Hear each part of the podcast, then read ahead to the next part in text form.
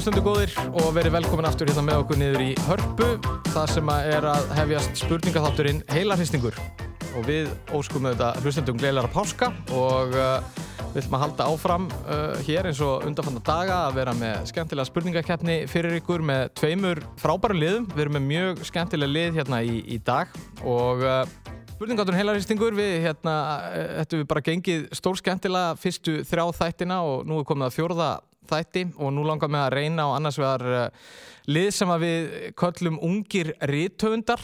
Þau eru komin hérna Bergþóra Snæbjörnsdóttir og Haldur Armand Áskísson. Komið í Salbæssu, gaman að sjá okkur, hvað segir þið gott? Já, við segjum bara gott, erum náttúrulega uppi með okkur að vera kölluð ungir rítöfundar. Mm. Þú varst að gefa út fyrir jólinn, eða ekki? Jú, Já. jú, passar. Og hérna, það gekk bara virkilega vel, var það ekki? Það var, gerðu góður rómur á bókinni og... Jú, bara vonum framar. Já. Já. Og, og hérna, og Dóri, það, það kom nú ekkert út frá þér núna þessi jólinn, en það hefur komið á umlunum árum. Já, það var síðast 2017. Þetta líður svo rætt, sko. Það er nú hálf, óvænt að þú sért hérna, er ekki? Uh, þú, þú ætlar ekki að vera á landinu, en, en kannski í ljósið aðstana eins og hjá mörgum öðrum, þá ákvastu að drífa þig heim eða hvað? Jú, ég fór í hérna, uh, já, átti bara mína ódýrsess kviðu að komast inga heim Já, í skjól uh, af meginlandi Európa, en það, það hafðist Ok. á okkur. ok. Og ertu ekki bara ánæður að vera komin hérna nýri í Kaldalón í Hörpu? Ég er mjög ánæður með það, ég bara get ekki verið ánæðri og nú er Kristur uppriðsinn og, Mm. og bara allir sáttir. Já. Eru þið mikið páskafólk? Af því að nú er sko, fólk er jólaböðn og svona, en, en, en eru þið, hérna, eru þið páskalömp svolítil? Ég, ég get ekki sagt það. Ég get ekki sagt það. Nei, þetta var kannski sko, þegar að festarinn langi var ennþá rosalega leiðinlegur, þá voru páskarnir kannski aðeins svona meiri kontrast og skemmtilegri. Já. En hérna, núna einhvern veginn þá svona hálf, nú, sko nú er ég með badd sem borða páskaegg, þannig að ég eiginlega er ekki hrifin af páskanum. Þetta er erfiðu dagur, Já, já, já. fjölskyldunni. Akkurat, já reyndar, það, hérna, förstæðan langi, hann hefur aðeins breyst, við náttúrulega vorum með, með þátt á förstæðan langa og, en það var einmitt svona, þetta var svona skemmtilegt uh, tví eðli sem var í páskaháttíðinni, sko, það var hérna, það var fólk einhvern veginn sem þetta láta sér leiðast til að byrja með og, og, og svo kom fögnuðurinn. Akkurat. En nú erum við meira kannski bara að slaka á alla páskana. Eru þið búin að ferðast mikið innan hús þessa páskana?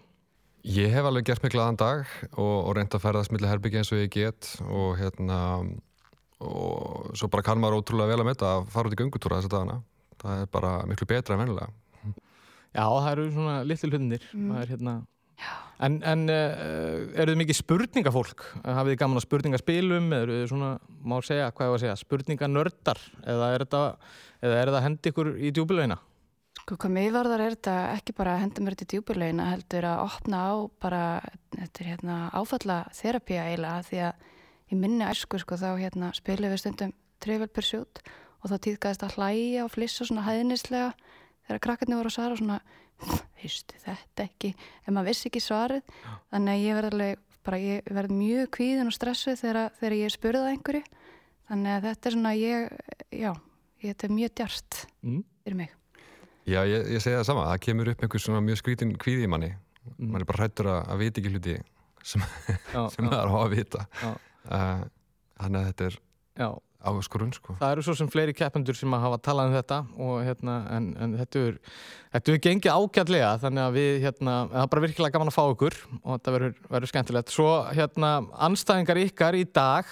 Við vorum ekki alveg, sko sko nú hefur verið þemaskipting á öllum liðum og það hefur nú kannski verið í einhverju tilfellum svolítið erfitt að festa niður þema. Um, við vorum eitthvað að ræða þetta hérna áðan og við komum staði að hér var ég komið lið grúskara það er annars vegar Ingileif Friðriksdóttir, verður velkomin Ekki alveg fyrir. og Vera Illuadóttir gott að sjá okkur Sumulegis.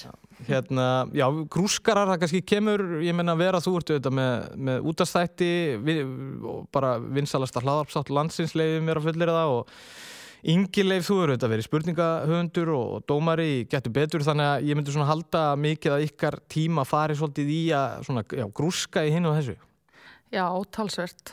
Það er, hef- hefur orðið mjög lítil breyting á, á minni vinnu eftir að, eftir að fólk byrjaði að vinna heima. Það er bara nákvæmlega sama grúskið í, yfir tölvunni og, og, og, og bókum. Já, Þú þurftur ekki að ólínast víðin eitt með það Nei, Já. ég var kortið er bara heima að grúska og er það enn. Já. einmitt uh, og ég menna sama hjá þér vantalega, ég menna þú varst að koma úr mikill í törn, það er enda svolítið um liðis að getur betur kláraðist en Já, hvernig svona þið hljóta að semja alveg ógrinni af spurningum uh, fyrir eitt svona tímabil getur betur já það, er, það eru mjög margar spurningar sem við semjum. Ég tók saman í fyrra hraðaspurningarnar og þær voru eitthvað á annað þúsund. Já, Eh, Þetta eru náttúrulega fullt á útastáttum og svo sjónvarpið. Mhm. Þannig að já, þetta er svolítið mikið.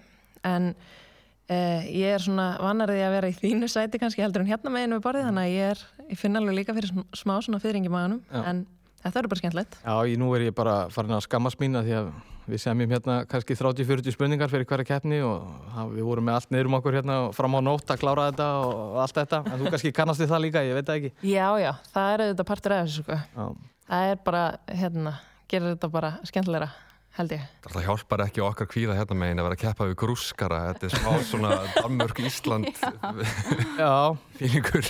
ég- þá kannski, einmitt, næsta spurning ég menna, kannski þetta velkast í vafa en það að þið kannski hafið svolítið gaman að svona spurningaleikjum, yngileg vera Já, ég ætla bara að fá að reyða mig samt svolítið á veru hérna í dag því að ég er, hérna, ég ætla að nota það sem algjör afsökuna. Ég er með smá brjóstaþóku, er með lítið barn heima, þannig að ég er með hérna helsta grúskara landsins mér við hlið, þannig að ég er bara mjög ánægð að, að geta svona reytt mig á hana. Já, ég hef í raun ekki gaman á spurningaleikjum sko, það verður einhvern veginn að æxlast þannig að ég tek mikið þátt og, og svona kem að mörgum spurningaleikjum og, og keppnum en það er algjör miskilningur að, að ég hafi eitthvað gaman að því sko, ég finn mikið fyrir þessum spurningakvíða eins og, eins og hérna anstæðingar okkar. Hefur trivialið ekkert verið dreigið fram svona á páskum í gegnum árin? Nei, ég bara uh, þól ekki spurningar sko, Já, já Já. Já, já. Uh, ég, þá er ég bara merkilega ánægð með að hafa samt tekist að draga það ynga. Það er bara, það er bara mjög jákvætt. En eigum við eitthvað tvínuna við þetta? Eigum við ekki bara að fara að fyrir okkur í, í leikin? Við höfum byrjað á svo kallari lagaþrennu. Uh, það er þess að lagaþrenna, sikkvort liði fær sikkvort að laga þrennuna.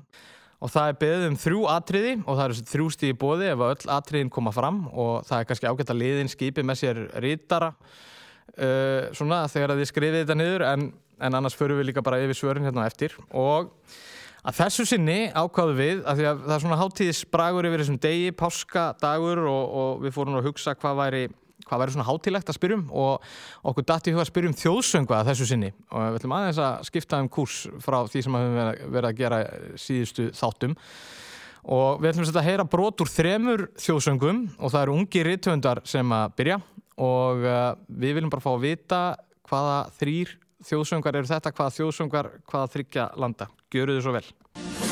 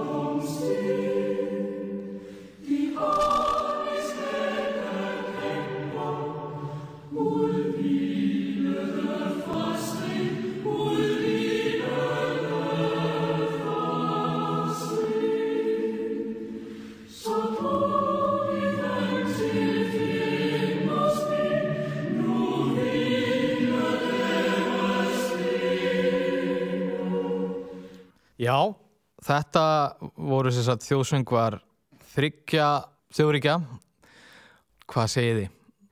Sko, ég myndi náttúrulega ekki þekka íslenska þjóðsöngin nema því að hann er á íslensku, en hérna, Nú má niðurlega hengin hefjast, sko. Ég verð reyndar að viðkjanna að ég kannski er þeirra náttúru gerðar að ég þekki aðalega þjóðsöngva sko þegar maður horfður á stórmót í, í íþrótum. Olimpíuleikar eða áum í fótbolta eða eitthvað slúðis. Það er eiginlega svona kannski helst í snertiflöturinn við þjóðsöngva. já, Já, ég, já, já, ég, ég held ég verði bara að gangast, ég bara stend algjörlega á gati. ok, ef, að- giska eitthvað til lofti. Mm. Sko, fyrsta fannst mér svolítið fasíst. Ég hugsaði Austuríki eða. Gott gísk, gott gísk. Mér fannst ég heyra hérna einhverja austur-evrósku tóna í, í söng 2 í tungumálunum. Mm, það geti alveg verið svona við getum alveg verið á réttum slóðum þar sko Austur, Uh, við vorum komin aðeins austur það kom Slóvinja upp í hugan. Slóinía, ok, skjátum að það. uh, að nummið tvö er Slóvinja Já. það er ekki rétt Um, En það væri það svakaleg spurning. Það væri svak. Já, ég, ég skal viðkynna þið er að leita langt yfir skam sko að hérna, ég, við erum ekki það kvingindislega við förum að spyrja um þjóðsöng Slóviníu en Má, má Samt. giska aftur, nei. ætla, samt að ég ætla að hlusta á hann hérna eftir og sjá hvort Já, hann sé eitthvað Já, sem Sko, já, hérna, ef, hvort er það Austuríki eða Svissi fyrsta? Hvað myndir þú segja? Það er hvorugt, skulum sko, se- en Já, við skulum segja Austuríki Austuríki. og uh, svo skulum við bleita mjög skamt í nummer þrjú. Ekki nema að þú hafi verið einhverja hugmynd. Nei, sko, einmitt, mér fannst nummer tvö kannski getur verið eitthvað, eitthvað sænst eða eitthvað svoleiðis, en það er, það er ekkert svona óvillust tilgáta allavega að Ok. svona svipum, svipum slóðum sko við segjum slóinst, við meintum sæ, uh, norskt og hérna, og í þriðja er náttúrulega augljóslega ungverski, Þriðisengurinn, þriðisengurinn, við ætlum að segja að hann sé, eða ekki, nei, fyrsti. nei, ég veit ekkert með þriðja, er- ég, ég er algjörlega, ertu með, Ég held að Jói hafi verið að gefa skín að það væri einhverstaðar í grendi Svíþjóð. Þannig að, ok, ef segja, það sé Noregur, að segja Noregur. mm, Eins og heyri Jói þá er þetta, já. þeir, eru, þeir eru líka óhefin þar að segja að þið hérna já, þið eru, ekki, þið eru bara ekki að hitta á þetta nei, þannig að hérna því miður þá fór þetta bara fyrir fór bara mjög já, illa. þetta, þetta fór fyrir ofangar og neðan en allt í góðu, ég menna þetta er það varst með hópa fólki sem leiði illa og já, já, já, þetta hérna en við, þetta og allt þetta er að fara upp á við trúiði mér, en nei, þetta var fyrsti þjóðsöngurinn var sá ítalski og hérna Síst var samt þá ekki Já, Österriki fengi ísk. Já. Já. Uh, svo fórum við austurættir, þetta var bara uh, Rúsland, uh, Þetta var Rúsland. byggt á, hvað er ekki, international, held ég. Og svo var Danmörk í lokin, þannig að hérna, við vorum vissulega í Skandinavíu. Þá eru það grúskarar og þið fáið bara sambarilega spurningu. Við viljum bara vita hvaða þjóðsöng hvað við heyrum hér.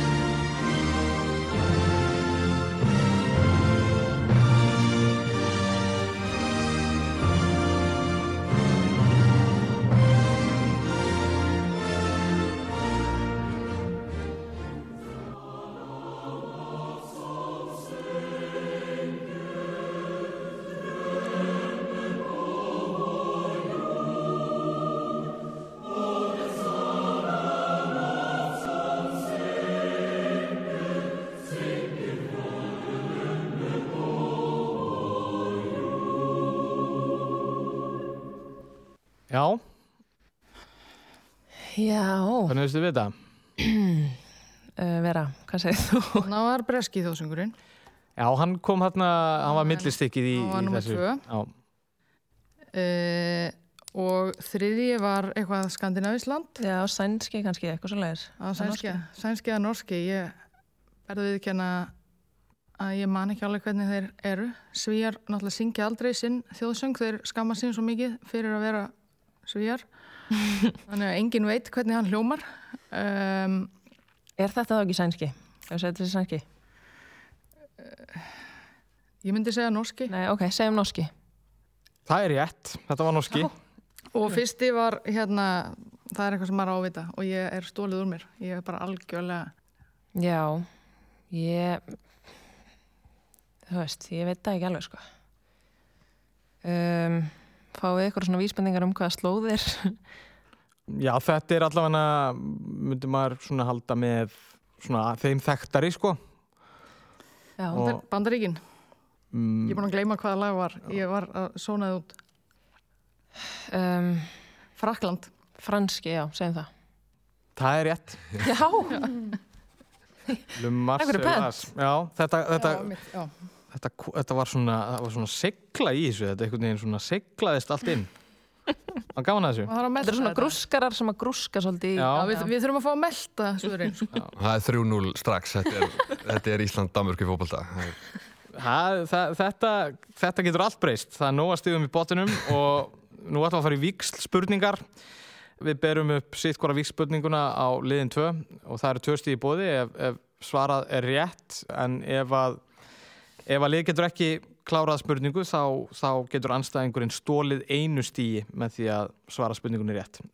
Og við ætlum nú að fara kannski á, á slóðir svona sem ungir eittvöndar gætu kannast við sí. Við ætlum að fara í, í skáldverk og ég ætla að fá að spyrja ykkur. Maður verður að rækta garðin sinn.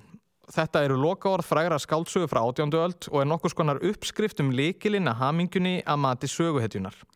Hvaða bók er þetta? Ef að kvísla. Um, hérna, já, sko, ég er ekki með þetta. eh, hérna, er þetta hinn ungi, raunir, Maður Já. verður að rækta garðin sinn. verður, Á átjöndu öll, sagður Þetta eru lokaorð frægrar skáldsögu frá átján, átjándu öld og hún var þýtt af Halldóri Kiljan Lagsnes mm, á íslensku. Einu sem þetta eru, byrtingur. Það er líka bara rétt. Þetta eru lokaorðin í Byrþing, Stig Voltaire. Þannig að ungir rítvöndar eru konar á blað. E, e, tvö stig.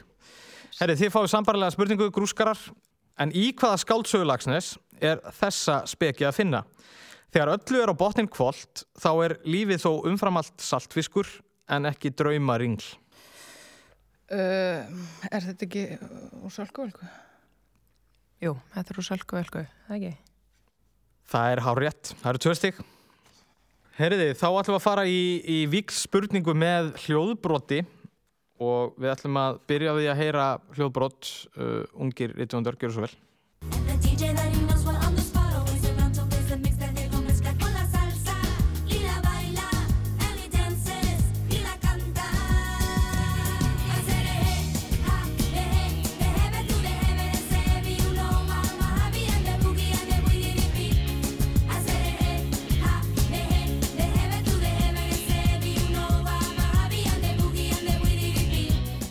Já, hérna heyrðum við hljómsveit frá Spáni flytja einn vinsalasta smell ásins 2002. En við hvaða sósu var bæði lægið og hljómsveitin kent?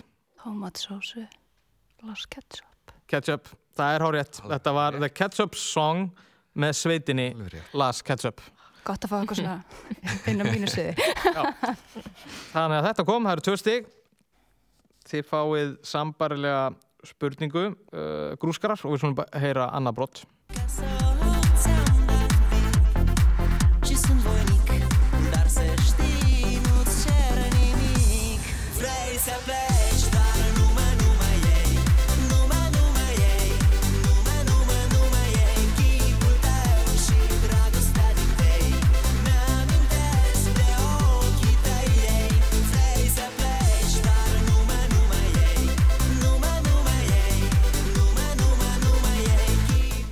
Já, árið 2004 sló lægið Dragostea Dintei með sveitinni Ozone í gegn.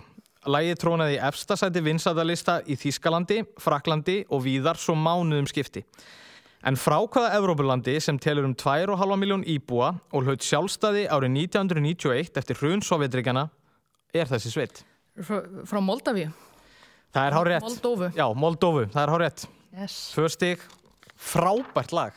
Gekkjaðar. Ekki heyrt það í mörg ár. Það var hérna... Það ætti að spila það meira. Já, ég hérna, er sammála því og, og, og akkur ekki að nota páskadag til þess að, hérna, það eru allavega konni páskar hjá mér núna sko. Heyriði, þá færum við okkur yfir í valflokkana þá er það þannig að á bla, blaði fyrir framann ykkur uh, sjáu þið fjóra valflokka uh, það eru ungir rithöndar sem er ríð á vaðið og fá að velja fyrsta valflokkin og þetta er eins og víkspurningar, það eru tvö stíi í bóði uh, ef þið sværi rétt og anstæðingur getur síðan stólið einu stíi anstæðingur fær síðan spurningu úr sama flokki og svo fá grúskarar að velja svo snýst þetta við í setnumferðinni Þannig að í þessum fyrri valflokkum uh, er hægt að velja á um fjóra flokka. Það er annars vegar ítölsk matargerð, ungir rithöfundar, hvaða ár og vestur Íslendingar. um, Eh, eitthvað sem að kveikir í ykkur þarna. Mér líst best á hvaða ár eða ítölsk matargerð bara ég, Já, ég var að ekki hugsa sko ítalsk matagerða því að ef við myndum velja ungi rithöndar þá er fallið svo hátt. það væri ókvæmstlega hátt fall. Já.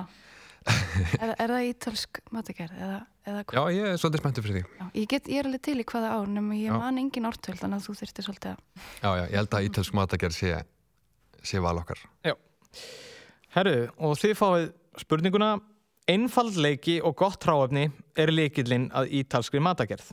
Spurt er í hvaða ítölsku fæðu eru basilika, ólífiólja, parmesanostur, kvítlaugur og förunhetur upp í staðan.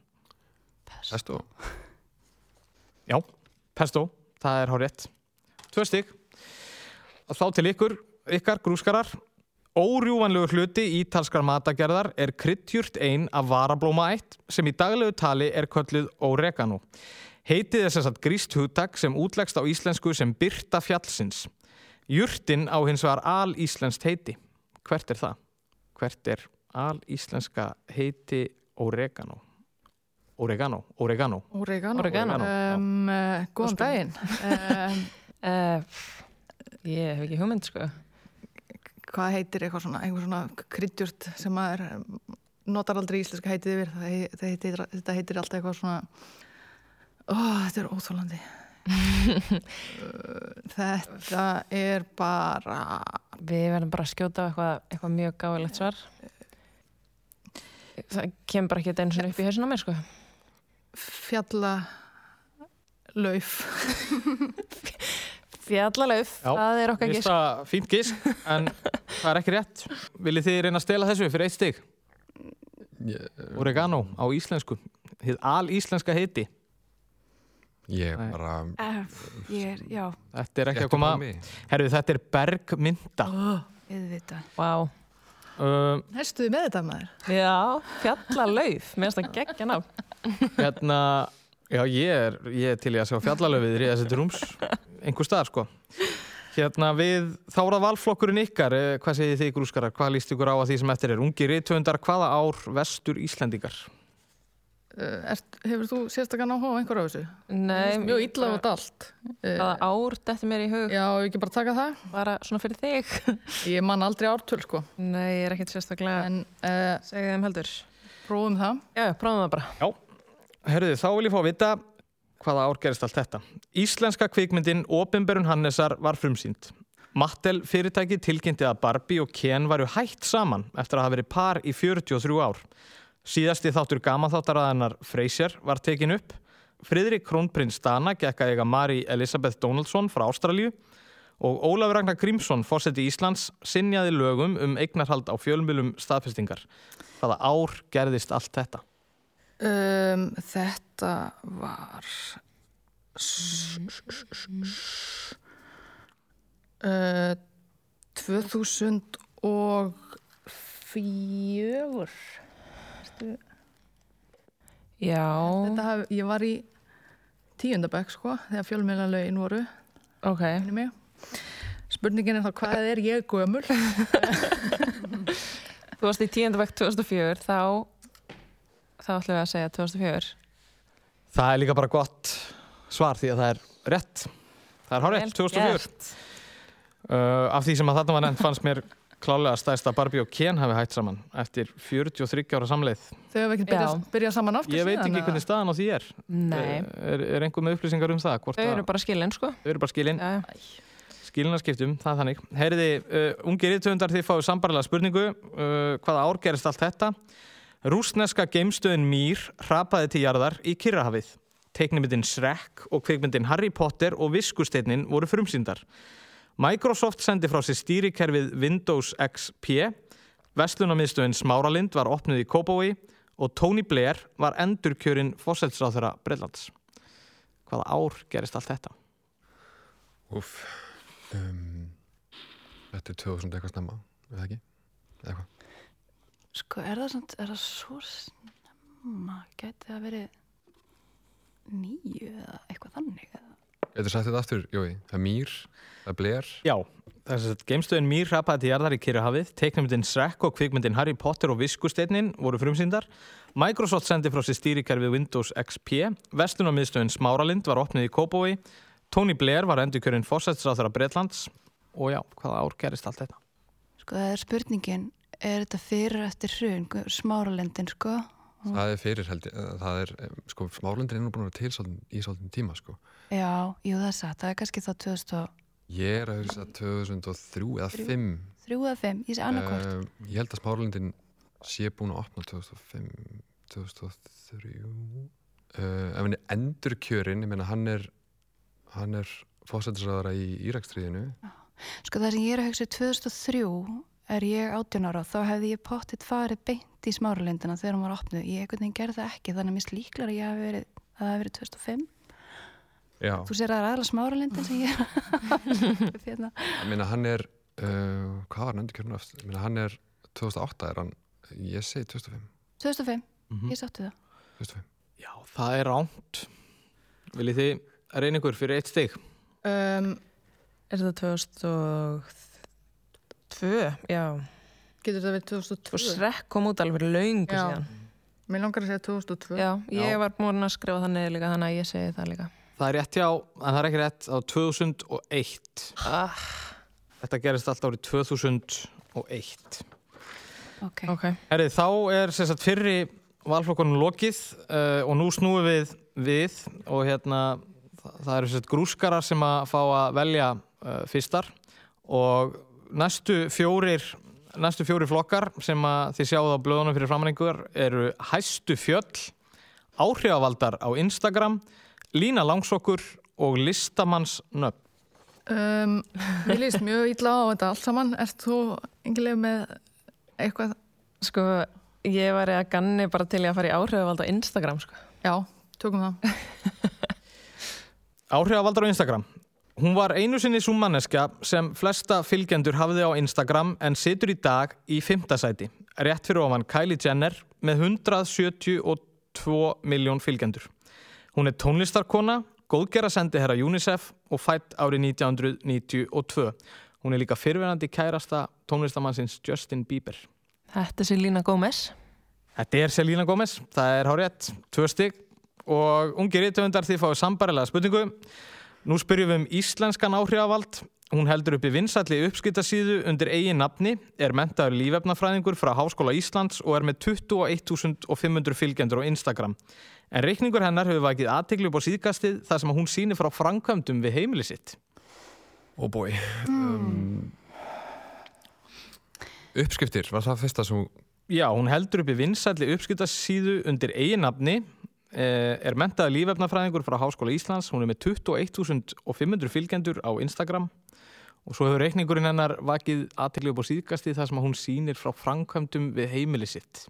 Á, Hvernig eru þið, eru þið mikið á, á gramminu? Sko það er ein, Ég er með Instagram. já, hérna, ég veit ekki hvort hún sé mikið, hérna Berglind sem er hann guluröður græn, sýnir frá framkvæmdum við heimili sitt. Uppskriftir.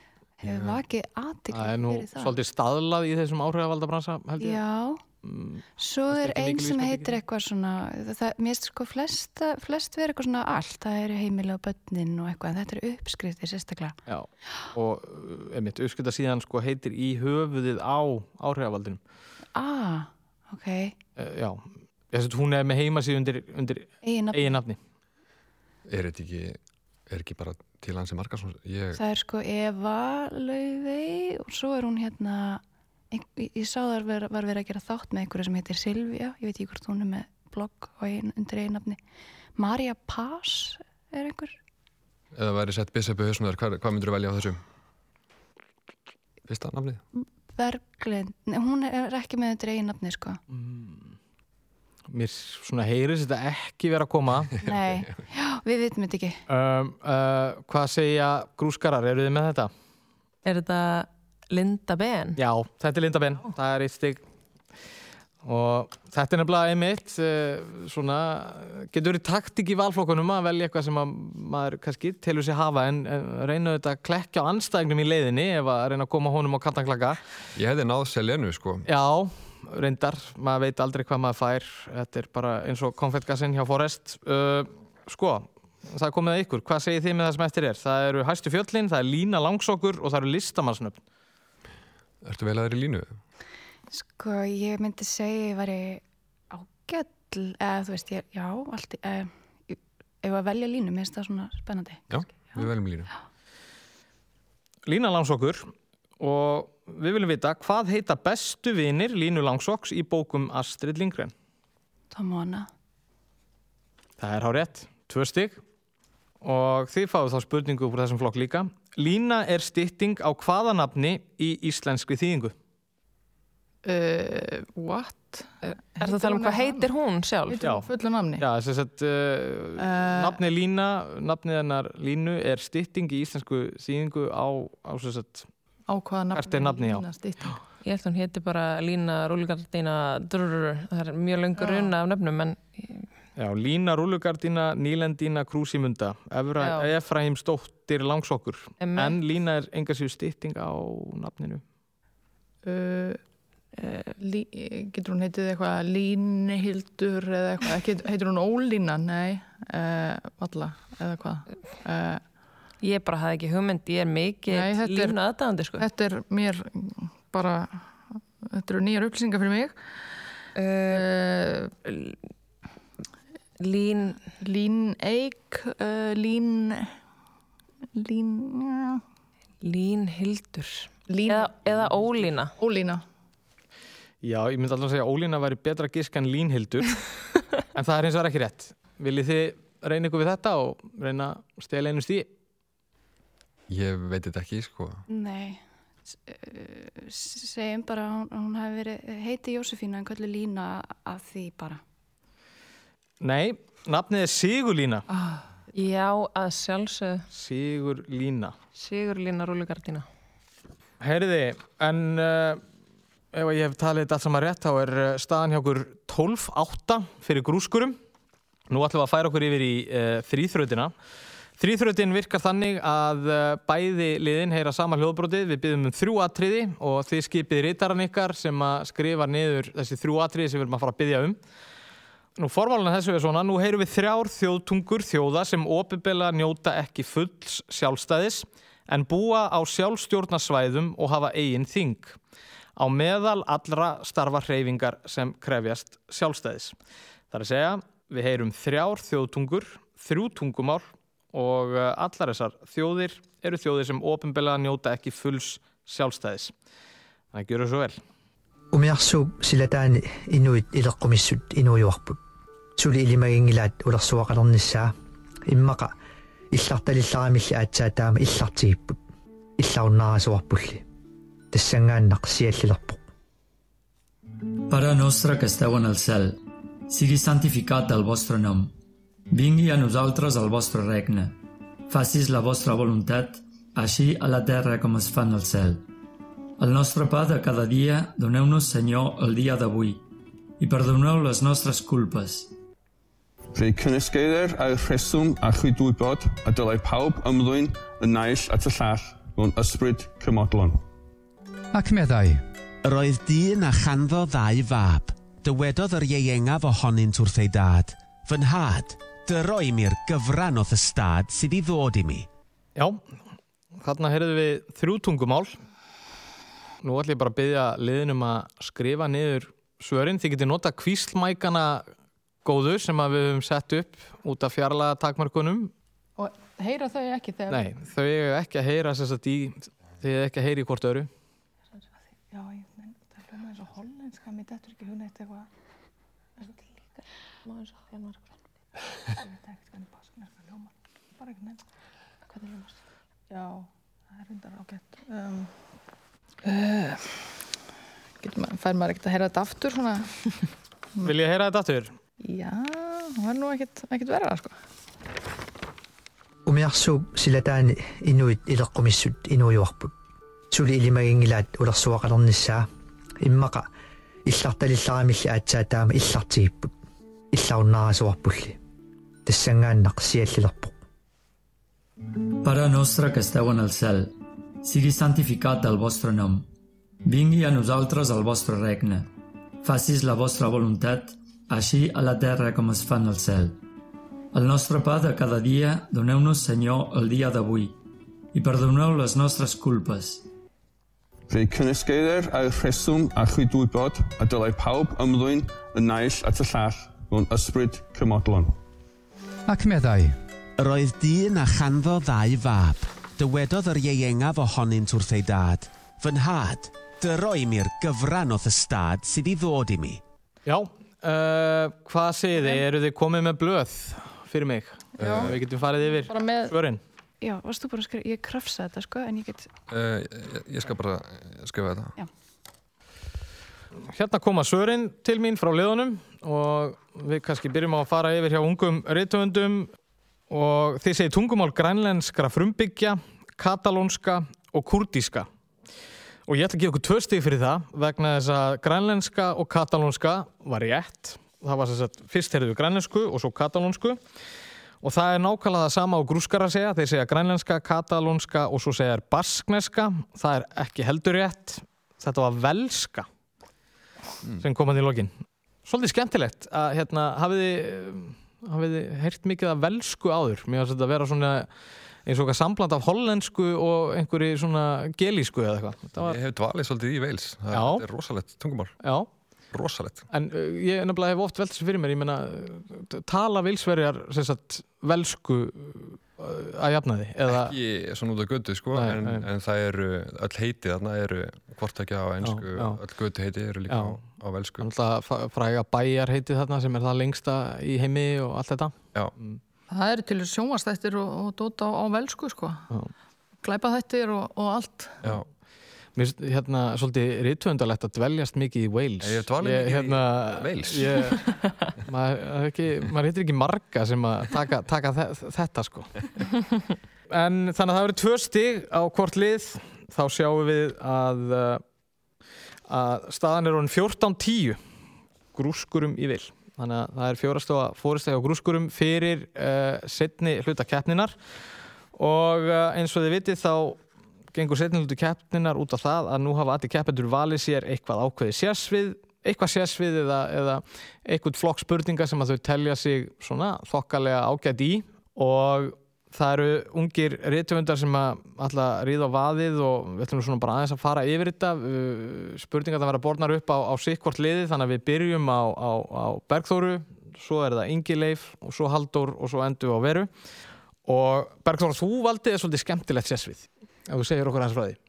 Já, ég ákvað að vera svolítið djörf og taka hérna RuPaul's Drag Race sem er uh, í miklu uppáldi hjá mér og sambilismanni mínum. Já, og hérna byrjum að horfa á þetta í fæðingrálöfu með eldri dóttur okkar 2015 mm hins er þetta djart að því að sko, það er svo óheyrilega mikið af fólki farið þarna í gegn þannig Já. að þetta er, þetta er mörg nöfn Já. og margar seríur og ég hef ekki Búið að vera verið lengi í gangi. já, ég er ekki sko að horfa ofta á sumu seríu eða eitthvað svoleið sko, þannig að En þetta er bara skemmt, ég sko nú hef ég mm, eiginlega ekkert séð þetta Nei. En ég get ímyndað mér að þetta sé mjög skemmtilegt Já, þetta er sko, hérna, ég reyndar er með smá blæti fyrir sko góður umveruleika sjónvarpi.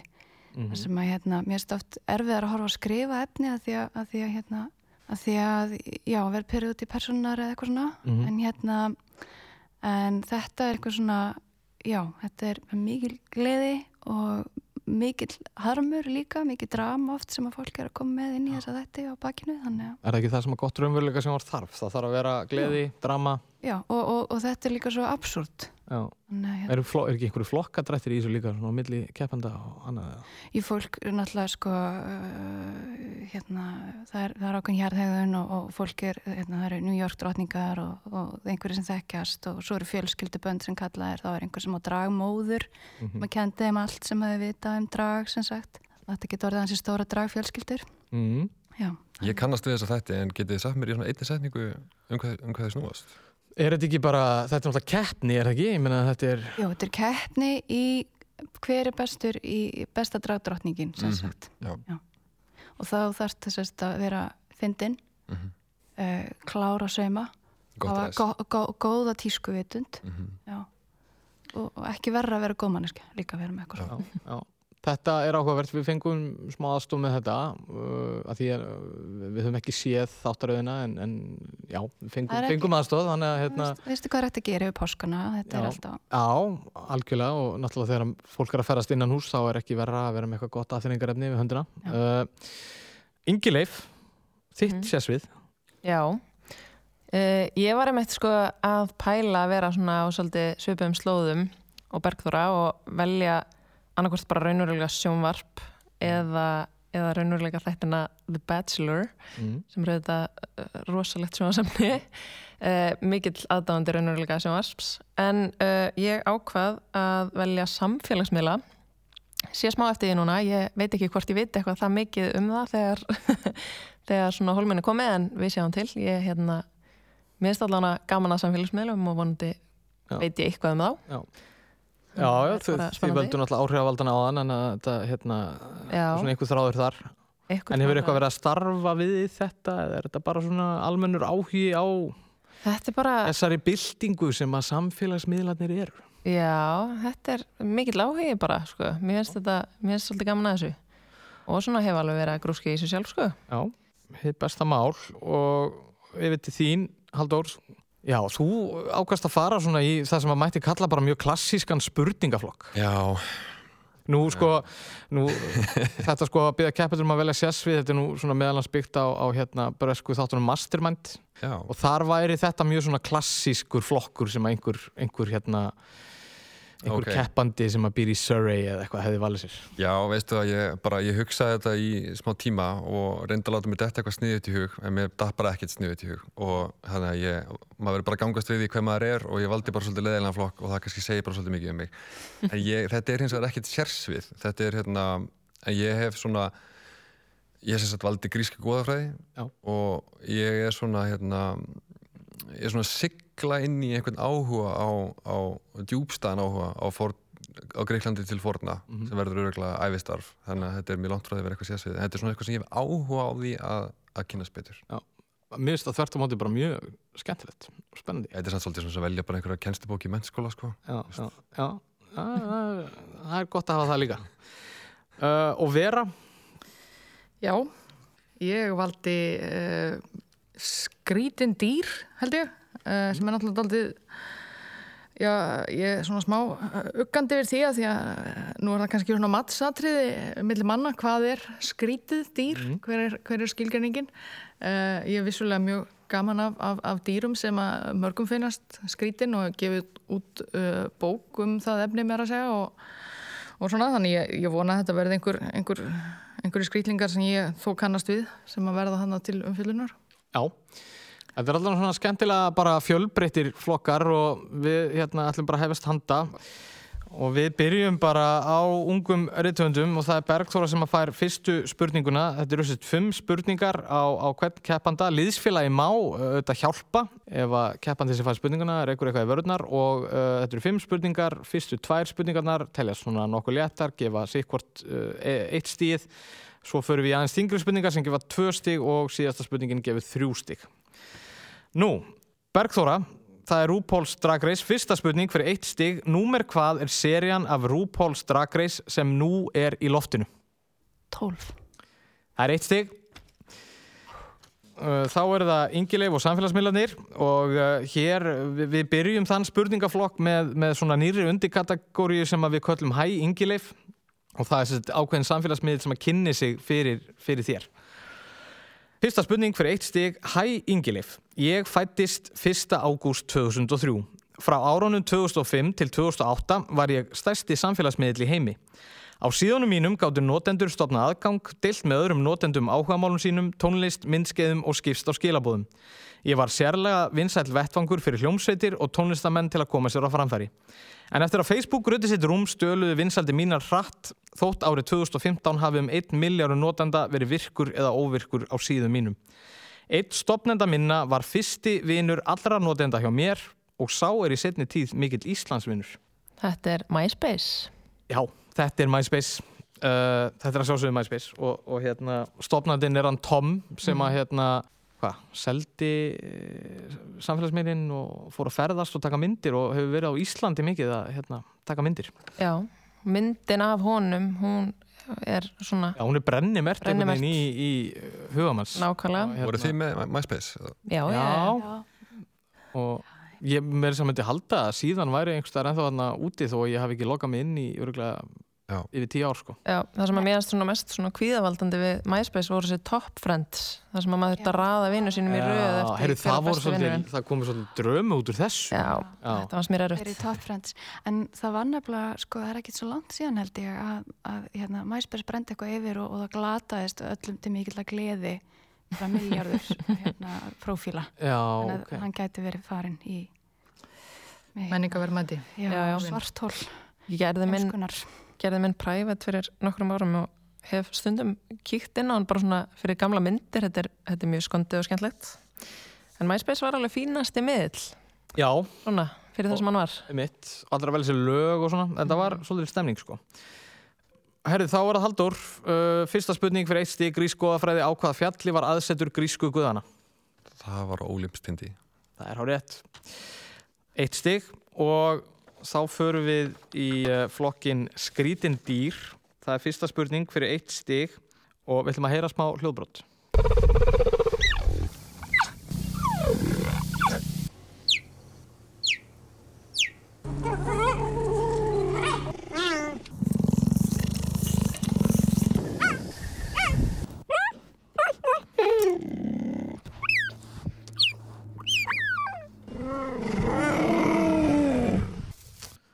Já, hvaða kattardýr, hraðskriðasta landýr jarðar, gefur frá sér þessi nokkuð undalegu hljóð?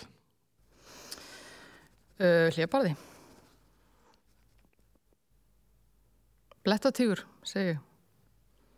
Já, það er blettígur. Það er, það er eitt stík. um, þetta var blettatígurinn og við höldum áfram og nú förum við aftur til Bergþóru, það er RuPaul's Drag Race. RuPaul stýrir auðvitað RuPaul's Drag Race. RuPaul er fyrirsæta, leikari, dragdrottning og hefur verið í bransanum í hartnær 40 ár.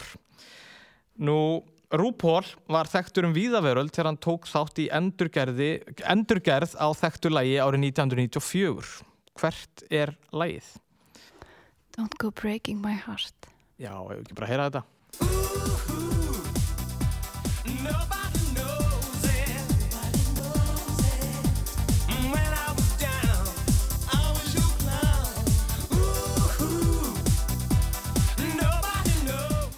Þetta er geggjað. Uh, já, þarna var RuPaul með Elton John með Don't Go Breaking My Heart og það er auðvitað eitt stig fyrir þetta. Og við ætlum að fara aftur í, í undirflokkin Hæ Ingileif. Það er samfélagsmiðið sem ætlar að kynna sig hérna. Hæ Ingileif, ég fættist 1. februar í Vancouver í Kanada árið 2004. Ég er vettfangur þar sem að ljósmyndarar geta hlaðið upp myndunum sínum og vídjóum, geimt þær, sínt þær og átt í samskiptum við aðra sem eru einstengjandi. Þegar best lét voru notendur mínir hátt í 100 miljónir en undanfærin ár hefur heldur hallaðundi fæti enda samkettninu við miðla eins og Instagram reynst erfið. Þó er enn fjöldi fólk sem heldur tryggð við mig, sérstaklega úr hópi ástriðu fullra ljósmyndara. Hver er ég? Er þetta flikkar eða flikkr? Já, þetta er flikkr. Það er bara hárétt. Þannig að það er eitt steg fyrir það. Hefur eitthvað notað þann miðl? Gerði það svo sannlega þegar ég uh, þóttist alltaf að verða ljósmyndari uh, fyrir mjög mörgum árum. Já, ég man að það var bara eitthvað svona tímabil þar sem allir voru að skoða einhverja svona flikkur síður Mhm. og það voru einhverju íslenski notendur mjög þekktir um víða veröld voru með mjög vinsal aðganga á flikkur en það hefur svona aðeins þetta hefur búið að færast aðeins yfir á grammið Já, já. Þetta var, þetta var reyndar mjög skemmtilegt. Ég eignaðist vini gegnum, gegnum þessa síðu, ótrúlegt en sagt. Ég var svona uh, 13-14 ára eða eitthvað. Já, þá... Þannig að það er kannski pínu skrítið en skemmtilegt var það. Mm. Og uh, þá förum við aftur yfir í uh, grísku góðafræðina, Halldór. Í sköpunarsögu grískar góðafræði stál prómþefur nokkur eldinum frá guðunum og færiði mannkynnu. Í hemdaskinni bjó aðsti guðin Seifur til fyrstu konuna. Hann senda hana til jarðarinnar með ösku fulla af pláum, böli og leðendum. Þessi fyrsta kona stóð svo ekki mátið og opnaði þessa ösku og var þá ekki aftur snúið. Hvað hétt konan? Það er hún Pandora okkar. Já, þetta er Pandora, það er hár rétt, það er eitt stig. Og vera uh, önnur spurning fyrir eitt stig um skrítin dýr. Sankant gömlum þjóðsögum í Amazon frumskóinum ganga höfrungar stundum á land um miðjanótt, klæða sig í fín fött og fara út á lífið með fólkinu. Þar lokka þeir ímist menn eða konur til fylgilags við sig. Lausaleikskróar hafa löngum verið útskýrðir á þennan snirtilega hátt. Aðeins örfáar kvalategundur lifa í feskvatni og flestar í stórfljótum Amazonsvæðisins í Brasilíu. En hvernig er þessi tegund venjulega á litin? Uh, hvít. Nei. Hún er bleik. Oh. Það eru höfrungarnir, já, í Amazon-frumkvæmum eru bleikir. Og þannig að þetta kom ekki og við höldum bara áfram. Uh, nú fer, fer þetta æsast. Uh, staðan er 17-13 uh, eftir fyrstu tværum ferðunar. Bergþóra, RuPaul's Drag Race fyrir tvö stygg. RuPaul fer með aðalhutverki í nýjum sjónvarsætti sem frumsyndu var á Netflix á síðasta ári og skartar fjölda drottninga úr RuPaul's Drag Race í aukalhutverkum. Hver er þátturinn? Ah, já, hann er, leik, er leikinn þáttur. Mm. Hann heitir... Guð, hvað mér líður illa. Finnst þér eins og eigir að veit þetta? Já, sko, að því ég, hérna, ég horfði á fyrstu tíu mínúturnar og fannst það alveg hræðilegar, Mhm. þetta með leiknafni, sko. Þannig að hann, þetta er eitthvað svona, þetta er eitthvað um eitthvað svona strák, þannig að titillin er eitthvað svona eitthvað strákur, en ég er ekki, Mhm. uh, ég held ég verði bara að segja því miður. Megum við ekki svara þessu? Mm, Nei, en Halldór mætti hjálpa til en mér sýnist... Og ég er gaglus. Já. Herði, þetta er þátturinn A.G. and the Queen. Herði, þá fyrir við aftur í samfélagsmiðluna og nú langar okkur einfallega að vita hversu mörg stafabil má eitt tíst á samfélagsmiðlunum Twitter vera. 280. Það eru tvö stygg. Þetta var nýverið tvöfaldað og hérna, það voru einhverjum svona súpernótendur sem að fengu að svona fyrstir að að Mhm. vera með tvöfald lengri tvitt. Mér fannst það nú, það var ná marga hallað þar og hérna, og ekki alltaf vel valið hverju það voru sem að fengu að lengja tístin sín. En, Nei, emitt. Það vegi að góðu fólki þar. Já. Það er Uh, bara frækt fólk út í heimi, eða var það líka Mm, ég, ég held að bara not, einhverju notendur hafi bara vaknað í daginn og verið bara, herðu, þú Já, ok. bara, við viljum heyra tvöfald meira frá þér. Haldur Armand, fyrir stig, Dedalos var mikill meistarasmiður í Aþenu í fornöld. Hann byggði völundarhús fyrir Mínos, konung í Krít. En konungur rittist Dedalos og læsti smiðin á samt sinni hans inni í völundarhúsinu. Smiðurinn dó ekki ráðalaus og smíðaði vangi úr vaksi fyrir sig og són sinn. En á fluginu frá eiginni flög sonurinn sem var mjög hreikinn og af nálat sólu þannig að vanginni bráðnuð. Hvað hétt sonurinn sem lést við þessar aðfarir? Íkarus. Það er hár rétt. Tvö stig þar. Við förum aftur í skrýtnu dýrin.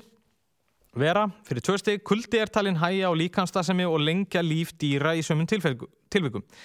Fyrir nokkrum árum kynntu danskir vísindamenn niðurstöður aldursgreininga á Grænlands hákarli en það er tegundin sem lifir í heimskautasjó Norður Atlantsafsins og Norður Ísafsins og meðal annars við Íslandstrendur. Með rannsóknum á sínum hákarla sem flegstöði í netskipa kom í ljós að eitt þeirra var á öllum líkitum 400 ára og var því fættur á 17. öld. Grænlands hákarlar eru því taldir langlífasta hryggdýr jarðar, en þó ekki langlífasta dýrið almennt. Dýrið sem á það met er skeldýr sem veittist við Grímsey árið 2006 og reyndist 507 ára gamalt og því fætt í kringum 1500. Hvað heitir tegundin? Æ, come on, hvað hétt þessi fokking skil?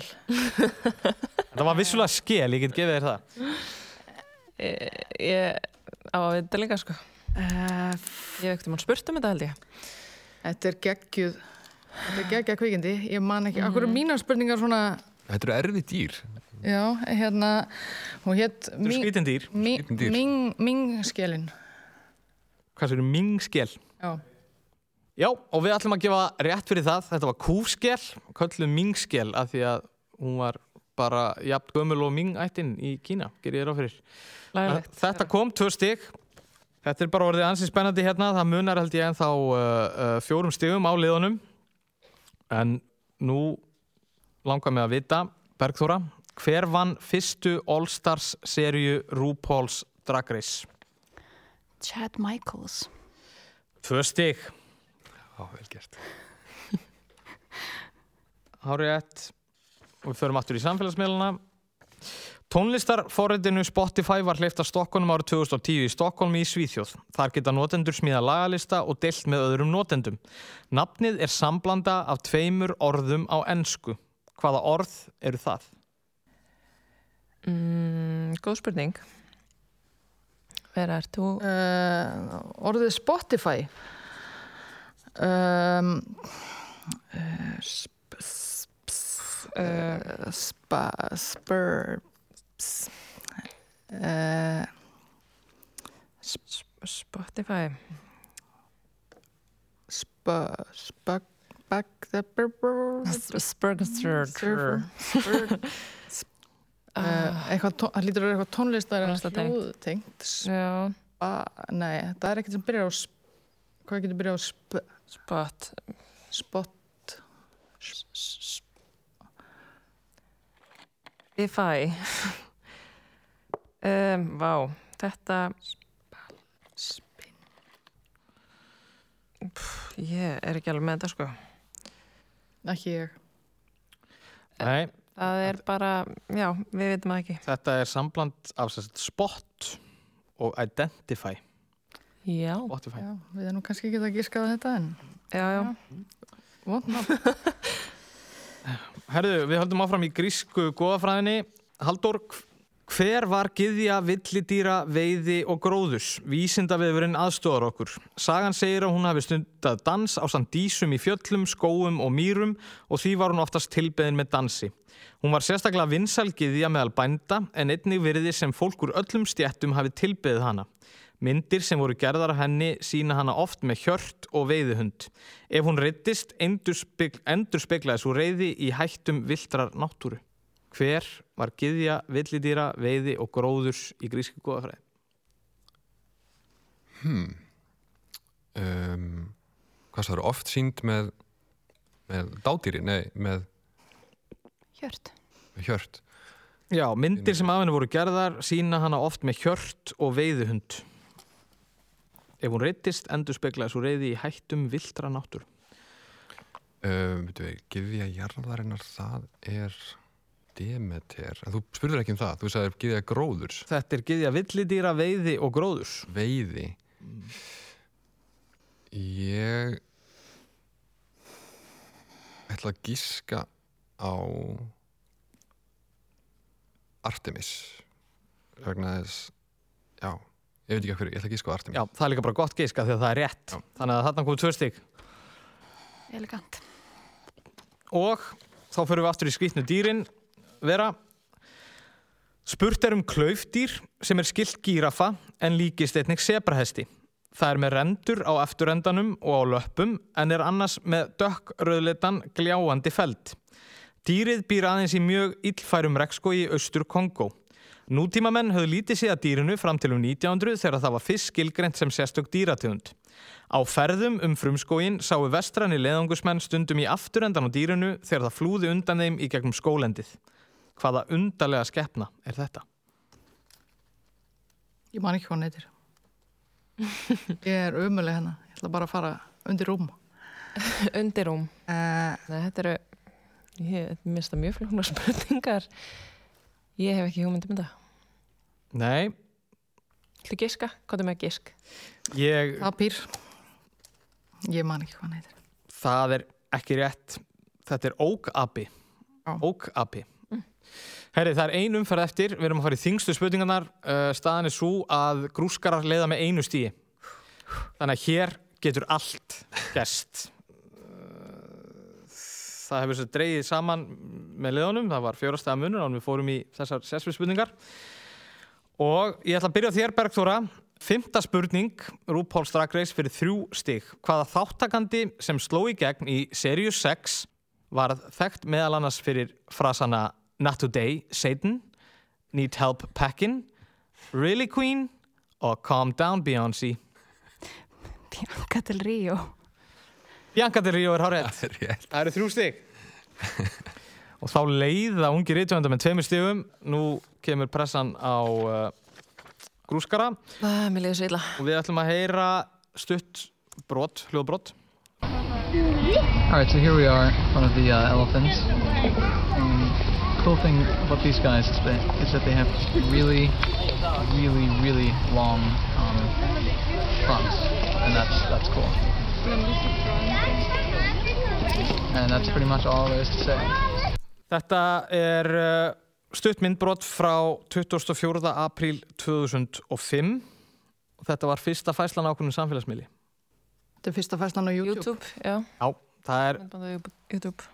Þetta er sérst vídeoð Me at the Zoo og er með 89 miljón áhorf á YouTube.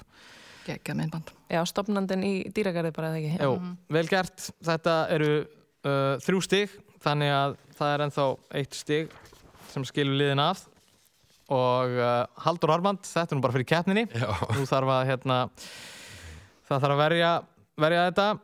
Við viljum einfallega vita hvað hétt ferjumadurinn sem flutti sálir látina yfir fljótin Akeron og Styx til undirheima. Hvað hétt ferjumadurinn sem flutti sálir látina yfir fljótin Akeron og Styx til undirheima?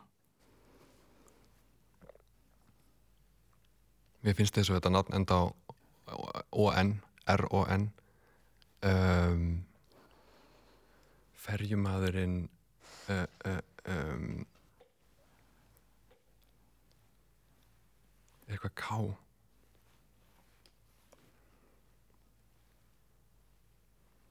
Mér finnst- samt eins og það sé ekki Kýrón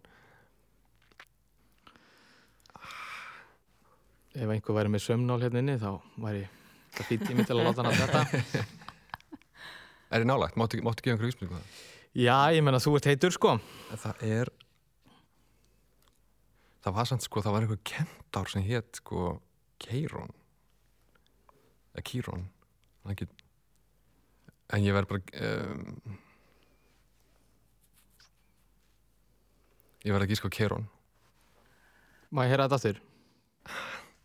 það er Keirón eða Kýrón Kýrón Kýrón Kýrón Keiron. Nei, býtu Jésús, það er hann er, ég, ætla að skrifa- Ég er honum stressaður. Ég ætla að skrifa þetta Mjög stressuð. Áron. hvort að Nei, kent Kentárinn er kallaður Kýrón eða ekki Vitur Kentár þá er hann væri það að skrifa K-E Keirón Ferjumæðurinn Keirón Keirón Keirón Keirón Nei, ég get ekki gefið rétt fyrir það.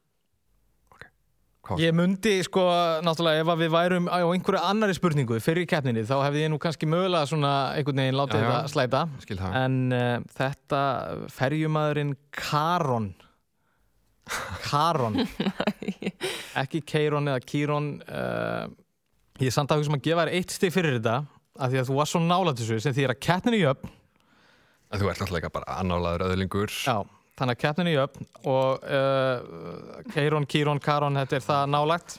Þannig að Haldur Armand fær eitt stig fyrir þetta sem þýðir það að keppnin er jöfn og nú ætlum við að bera upp síðustu spurningu keppninar, mögulega, ekki nema við þurfum að fara hér í einhverjar æfingar uh, með bráðabanna eða slíkt.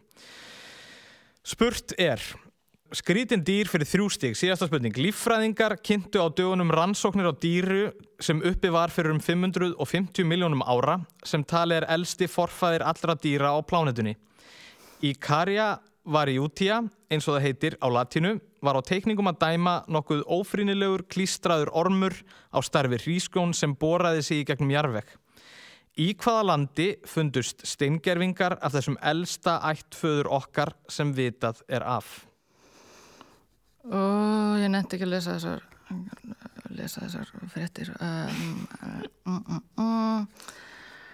Ég ætla aldrei að koma inn á spurning átt aftur um, Gleðilega páska Var í Ástralju Þetta er fyrir keppnina Vera segir Ástralíu og það er hár rétt. Lagilegt. Þannig að uh, rúskarar... er hún á ennsku, ég er að fatta það, skiptir ekki máli. Ef við hvort sem við tapað. Já, ég, hérna, já, já, reyndar. Þetta hefði, þetta hefði ekki skipt máli þegar upp var staðið að því að vera kláraði sína spurningu en uh, uh, þannig að það eru grúskarar sem að hafa hérna sigur með, með, með tveggjastega mun, eða þryggjastega mun, já. Bara til hamingi með sigurinn og hérna, þetta var bara, þetta var æsi spennandi hérna í lokin. Það, spennandi. grúskarar tóku fóristu snemma í keppninni en, en uh, svo komu ungi rítuðundar svo sannlega tilbaka og með mjög góðri framistu í gríski góðafræði og RuPaul's Drag Race uh, en, uh, en þetta hafðist þannig að hérna, uh, já, bara til, til hamingi. Takk hérlega fyrir. Er mikið. Takk fyrir Þetta, komið. þetta ringir inn páskana, það er bara þannig. Já, Já, nú loksins getum við að byrja Já, að njó, páskana já, njóta, njó, ég vona þið njótið páskahátinu, ég vona að hlustendur gerir það líka. Við verum aftur á morgun með síðasta þáttin á heilarhristingi yfir þessa páska og bara takk hella fyrir í dag. Takk fyrir okkur. Takk.